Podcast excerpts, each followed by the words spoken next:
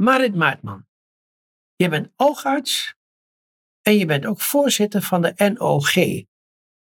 En nu zijn we eigenlijk eerst even benieuwd naar van wat is nou eigenlijk de NOG en wat doet ze? Ehm, nou, ik ben inderdaad uh, allereerst oogarts, bijna 20 jaar. En sinds drie jaar ben ik uh, toegetreden tot het uh, NOG, dat is het Nederlands Oogheelkundig Gezelschap. En dat is de vereniging van de oogartsen. En ehm, wij zorgen ervoor, we bewaken en bevorderen de oogzorg in Nederland. En we helpen de oogartsen om hun werk goed te kunnen uitvoeren. En zijn alle oogartsen daar lid van? Bijna wel. Ik geloof dat ruim 95% van de oogartsen die in Nederland werkzaam zijn, aangesloten zijn. Ja, en ik, en ik hoorde dat, dat, dat jullie uh, uh, elk jaar of om het jaar een, een congres hebben in Groningen of in Maastricht. Exact, dat heb je heel goed gehoord. Ja, dat klopt. En waar, waarom in, in Groningen en in Maastricht? Uh, dat is van oudsher zo gegroeid, omdat daar goede congrescentra zijn.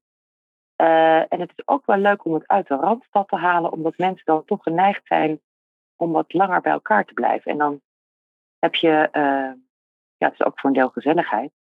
Ja, je bedoelt, dan moet iedereen in een hotel? Ja, en dan zie je weer je oude collega's van vroeger. En je praat met elkaar en dat, dat maakt het heel erg. Heeft dat leuk. een beetje een, een karakter van een hutje op de hei of zo? Nou, uh, het is ook wetenschappelijk. Er zijn ook hele uh, mooie voordrachten altijd en er zijn gastsprekers. Uh, maar het aspect dat je elkaar tegenkomt en eventjes wat gaat drinken met z'n allen en over vroeger praat en even vragen hoe het met elkaar gaat en tips aan je collega's vraagt, dat maakt het wel extra leuk, ja. Ja, ja, ja, ja. ja. Um, en nu zat je namelijk met de oogartsen die zaten ook in coronatijd. Ja. En, en hoe ging dat? Heb je daar een beetje uh, gegevens over? Nou, de gegevens zijn we proberen te achterhalen, maar dat is lastig. Um, in het begin van de coronatijd was het uiteraard zo dat wij acuut moesten stoppen met ons werk. Want eh, iedereen zat toen vorig jaar februari, maart in een acute lockdown. Dus ook de polies gingen allemaal niet meer door en de operaties werden afgezegd. En er zijn zelfs oogartsen uh, gaan helpen in de coronazorg. Um, maar al snel zijn we alles wat acuut aan oogkundige zorg geleverd moest worden. Eigenlijk nooit gestopt. Uh, en hebben we weer goed weten op te bouwen. En, en, en hoe, hoe, lang heeft dat in de begintijd geduurd van die lockdown? Want, de, want wat je zegt, de, de, de, de, de, de gebruikelijke uh, uh, oogzorg werd niet gedaan, alleen de acute. Exact. En, en wat versta je onder acuut? Uh, de netvlieslooslatingen, de infecties, de bloedingen, de postoperatieve zorg die we natuurlijk moesten leveren, mm. Ablatio's. en de intravitreale injecties, de IV's, de Avastin-injecties. Want als je dat, dat zijn de injecties voor, bij maculadegeneratie? Een natte ja. vorm. Ja. ja. de natte makerdegeneratie en de diabetische retinopathieën. Uh, dat is zeg maar de grootste groep. Mm -hmm. En die, moest, die zorg moest natuurlijk doorgaan. Daar waren wij als oogartsen zeer van doordrongen en gelukkig onze patiënten ook. Want als je het natuurlijk gaat overslaan en er komt weer vocht, dan lever je toch visus in en dat willen we niet. Ja. En dat hebben we redelijk uh, goed weten te organiseren binnen de ziekenhuizen. Dat we dat goed kon doorgaan. Wat wel jammer was, was dat patiënten zelf het soms eng vonden om naar het ziekenhuis te komen en daardoor niet kwamen. En sommige mensen in de verpleeghuizen echt niet naar buiten konden. Mm -hmm. Dat was een groot probleem. En gingen jullie daar dan naar die verpleeghuizen toe? Dat hebben we overwogen. Ik geloof zelfs dat het in Israël is gedaan. Maar in Nederland was het probleem dat wij dan als oogartsen daar de besmetting naar binnen brachten. En met die patiënt in aanraking waren gekomen en de patiënt alsnog niet bij de rest mocht komen. Dus het maakt niet uit of je naar binnen gaat, want je brengt. Je hebt, het probleem was het contact met elkaar hebben. Mm -hmm. Dus dat hebben we niet gedaan. Ook omdat we het contact binnen, het, binnen de verpleeghuizen was er dan ook contact geweest. En we denken toch dat het veiliger is om die procedure in een ziekenhuis met al je logistiek daar te doen. Maar, maar betekent dat dat uh, uh, mensen met een uh, natte macula en die dus een injectie nodig hadden, dat die die een paar maanden niet hebben gehad in het verpleeghuis?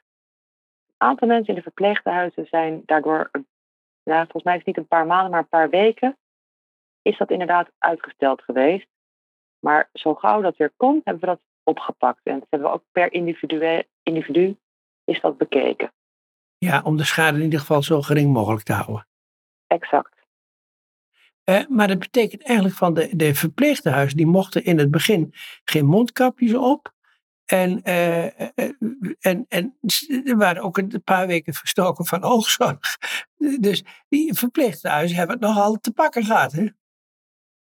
Dat was natuurlijk voor, voor, voor, niet alleen voor de oogkundige zorg, maar dat was natuurlijk het hele vreselijke, verdrietige uh, wat je ook elke keer zag op het nieuws. Dat ook mensen hun eigen familie niet meer zagen, dat ze het niet snapten. Dat, ja, ik ben heel erg blij dat dat niet nog een keer is gebeurd. Nee, dat was wel de meest trieste tijd van de corona, mag ik ja, zeggen. Dat, dat denk ik ook. En dat is, daar heeft oogkunde ook onder geleden, maar dat was een van de aspecten, denk ik. Um, hebben, eh, zijn er ook oogartsen ingezet uh, bij de coronahulpverlening? Ja, ja absoluut. Uh, een aantal collega's hebben uh, als buddy gefunctioneerd. Dus dan gingen ze op de verpleegafdelingen helpen. Mm -hmm. kijk, we zijn natuurlijk geen intensivisten en we zijn ook geen longartsen. Maar we, konden wel, we zijn wel allemaal artsen, dus we konden daar wel bij helpen. Er zijn een aantal oogartsen die in de logistiek hebben meegeholpen in het ziekenhuis. Dat heb ik onder andere gedaan. En er zijn ja, iedereen heeft echt geholpen waar die kon. Uh, ik denk dat dat niet alleen de oogartsen waren, maar alle artsen in Nederland. Er was een enorm saamhorigheidsgevoel. Uh, wat echt, denk dat we als Nederland best wel heel trots op mogen zijn. Dat we hele goede zorg hebben weten te bieden. Zo goed als dat we konden. Nou, die, die, die, die pluim mag zeker gegeven worden, ja. Ja, ja, dat wil ik zeker aan mijn collega's doen. En zo gauw het weer mocht, zijn we heel veel oogkundige zorg gaan bieden. Omdat we natuurlijk van oudsher al met wachtlijsten kampen. Uh, dus daar zijn we nu hard mee bezig. En, en hoe hebben um, oogartsen dat opgepakt? Dat, want uh, je mocht niet dicht bij elkaar komen, maar een oogarts, als hij behandelt, moet hij gewoon uh, heel dicht op de patiënt werken. Dat klopt. Dus wij zijn we hadden in het begin natuurlijk geen mondkapjes. Nu wel, dus nu werkt iedereen eigenlijk met een mondkapje. Maar heel snel zijn naar de firma's van de kleedlampen. Die hadden hele mooie plastic schermpjes. En die kwamen ze volgens mij na een week hingen die al bij ons op de poli. Dat was echt heel erg goed om te zien dat iedereen elkaar zo aan het helpen was van hoe kunnen we onszelf nou beschermen. Mm -hmm. Maar ook de patiënt dan, beschermen, ja. Ja, ja, ja, ja juist. Hè, want uh, de, de, de, de patiënt is de meest kwetsbare, denk ik. De, oogartsen over het algemeen zijn, uh, ja, zijn niet de kwetsbare ouderen. Maar jullie hadden dus van die plastic schermpjes voor en die waren geleverd door de leverancier van? Ja, van de spleetlampen en uh, allerlei farmaceuten die, dat toch, die ons daar maar toch mee probeerden te helpen. Oké, okay. nou ja, ja, uh, die hebben gewoon goed meegedacht. Enorm goed, ja. ja dat, was, ja dat was echt heel hartverwarmend om te zien dat iedereen alleen maar in oplossingen dacht.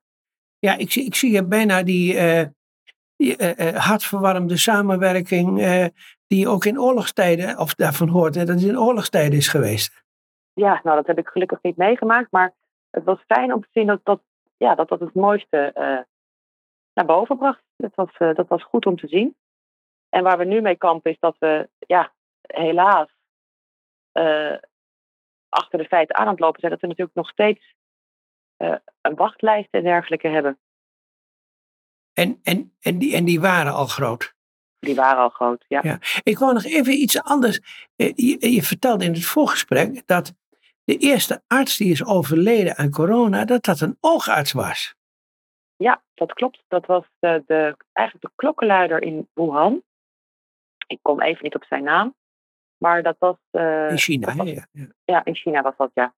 Dat was een, uh, een oogarts die het opviel dat veel van zijn kwetsbare patiënten een, uh, een rare longontsteking hadden ontwikkeld. En dat bleek later dus de COVID te zijn. Maar Heel opmerkzaam. Maar opmerkzaam is natuurlijk dat het een oogarts was. Ja, ja. Ja, dat was een. en hij heeft zijn collega's toen gewaarschuwd. En zo is het aan het rollen gekomen. En, en hij is aan corona overleden? Ja. En zijn er nog meer oogartsen aan, aan corona overleden of ziek geweest? Naar mijn weten gelukkig niet. Nee, uh, in Nederland uh, zijn er wel oogartsen die corona hebben gehad, maar niet een ander percentage dan de bevolking, voor zover ik weet. Uh -huh. um, maar geen, uh, godzijdank geen mensen die overleden zijn. En ik heb even gekeken, de Chinese oogarts heette Li Wenliang. En okay. hij is toen rondom de jaarwisseling is hij overleden aan het virus. Nou ja, en dan moeten we maar wachten dat een standbeeld voor hem uh, wordt opgezet. Want hij heeft natuurlijk wel groot werk gedaan. Hij, hij was echt hij was de klokkenleider met, uh, als, als een van de eerste die de andere arts op de hoogte heeft gebracht. Zijn studiegenoten. Dus ook de longartsen in feite. Want de longartsen waren toen daar, daar nog niet eens van op de hoogte. Nou, de, uh, hier staat dat Lee vertelde zijn studiegenoten dat verschillende patiënten ziek waren geworden na een bezoek aan een markt en in het ziekenhuis waar hij werkte in quarantaine. Hij raadde toen aan om beschermkledij te dragen en om uh, besmettingen te vermijden. Oké. Okay. Knappe oogarts. Ja, ja, nou ja, die, die mag je in ere houden. Ja, dat denk ik ook. Is um, te noemen. Nou is het zo dat al, al voordat corona begon, uh, waren er al maatregelen genomen om de uh, oogzorg wat anders te organiseren. En dat de, vooral de universitaire klinieken, dat die niet overvol dreigden te raken. vanwege een tekort aan, aan oogartsen. Ja, ja, ik denk dat dat wel breder getrokken kan worden. Ik denk dat niet alleen uh, ook de, de, de, academische centra, maar ik denk dat eigenlijk alle oogartsen van de academische centra tot de perifere klinieken tot aan de uh, zelfstandige behandelcentra uh, te kampen met wachtlijsten. En waren die wachtlijsten dramatisch? Werd, werd, daardoor ook noodzakelijke zorg uitgesteld? Ik denk dat we het in Nederland goed hebben georganiseerd dat noodzakelijke zorg altijd, hè, dat is wat we nu ook elke keer aan het proberen zijn, altijd voor iedereen beschikbaar is. Maar als je maar lang genoeg wacht met het leveren van de gewone zorg, om het zo maar te bieden, wordt het op een gegeven moment ook heel vervelend. Als je op een gegeven moment maandenlang moet wachten op een staaroperatie, dan is dat vervelend. Ja, want nu kom je op een heikel punt. Want uh, uh, er wordt natuurlijk um, COVID-patiënten, die hebben eigenlijk terecht voor, want het is acuut. En de niet-acute zorg, die wordt uitgesteld. En die wordt vanzelf wel weer acuut en dan, en, en, dan wordt het ook behandeld. Maar ben je dan niet te laat? Nou, ik denk dat je het heel mooi omschrijft zo. Uh, en dat is denk ik waar ook de samenleving steeds meer over aan het praten is. Ook niet alleen uh, met oogzorg, maar ook met met hartpatiënten hè, hoor je nu heel veel van. En nierpatiënten die veel langer aan de dialyse liggen dan voor die tijd. Dus uh, op een gegeven moment gaat het toch wel iedereen heel erg schade. Het, het is verdringend. Het verdringt de reguliere zorg. Ja, en, en, maar er kan dus ook, ook uh, behoorlijke schade uh, ontstaan doordat er behandelingen worden uitgesteld. Hè? Exact, ja. En ook omdat de toegangstijden die er al lang waren, blijven mensen langer met klachten lopen. En je weet natuurlijk niet precies waardoor je slechtziend bent. Kijk, je gaat naar de opticien en die komt er niet uit. En dan ga je naar de oogarts en dan, dan blijkt dat je een bepaalde aandoening hebt. Maar je weet niet precies wat je hebt, daarvoor ga je naar de oogarts toe. Dus soms komen we pas later erachter dat iemand toch een makelaardegeneratie bleek te hebben. Of toch een natte makelaardegeneratie die we eigenlijk liever eerder hadden willen zien en Ja. willen behandelen. Ja, precies. Maar dat zullen we eh, waarschijnlijk pas na de de COVID-crisis te weten komen, dat er toch mensen uiteindelijk de maak, natte maculadegeneratie te laat is geconstateerd en daardoor in feite er schade aan het oog is ontstaan. Ja, ja dat, daar zijn wij als oogartsen best heel bang voor. Het is alleen best heel lastig om die cijfers nu al te gaan berekenen. Omdat, nou, zoals je zelf ook weet, we zitten nu alweer in de vijfde of zesde golf. Dus eigenlijk zijn, waren we een beetje met het RIVM aan het kijken van wat is de schade. En we zitten alweer in een nieuwe golf, dus dan is het alweer de volgende uitstelgolf. Waarschijnlijk zal dat, dat opgaan in de hele brei van gegevens. En, en waarschijnlijk zal wat natje van de kous eh, niet te weten komen. Nee, het zal niet exact. En, en, en we doen allemaal wat we kunnen. En uh, uh, dat gaat gelukkig voor een heel groot deel goed. En we hebben gelukkig nu weer veel meer beschermende maatregelen. En mensen kunnen, dat wat we eigenlijk ook wel gezegd hebben, mensen kunnen echt wel veilig naar ziekenhuizen toe. Want hè, we, we, werken met, met, met goede afstand zo, zolang het kan. We werken met mondkapjes. De hygiënemaatregelen zijn goed. Dus, en dat hebben we in het begin van de coronacrisis ook al geroepen, dat als er oogklachten zijn, kom alsjeblieft naar je oogarts toe. Want dan kunnen we wat doen. Mm Nou, dus meteen ook een oproep, ook uh, in dit programma. En, ja, uh, dus ga het niet vermijden of, of, of, wacht niet te lang. Kijk, als iets kan wachten en als je denkt, nou ja, dat maandje, hè, dat, dat redden. Maar als er klachten zijn, dan moet je komen. Ja, ja. Nou, het was in ieder geval fijn even met jou gesproken te hebben. Nou, en, uh, leuk, dank je.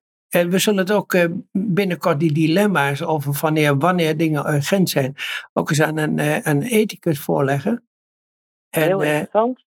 en, dan, en dan horen we verder van elkaar. En, nou, ik wens je in ieder geval een heel gelukkig nieuwjaar toe met weinig corona. En, en dat de wachttijden enzovoort maar ingelopen kunnen worden. Dat zou ik ontzettend fijn vinden. Voor jou ook alle goeds voor 2022. Dankjewel. Graag gedaan. Ja. Dag.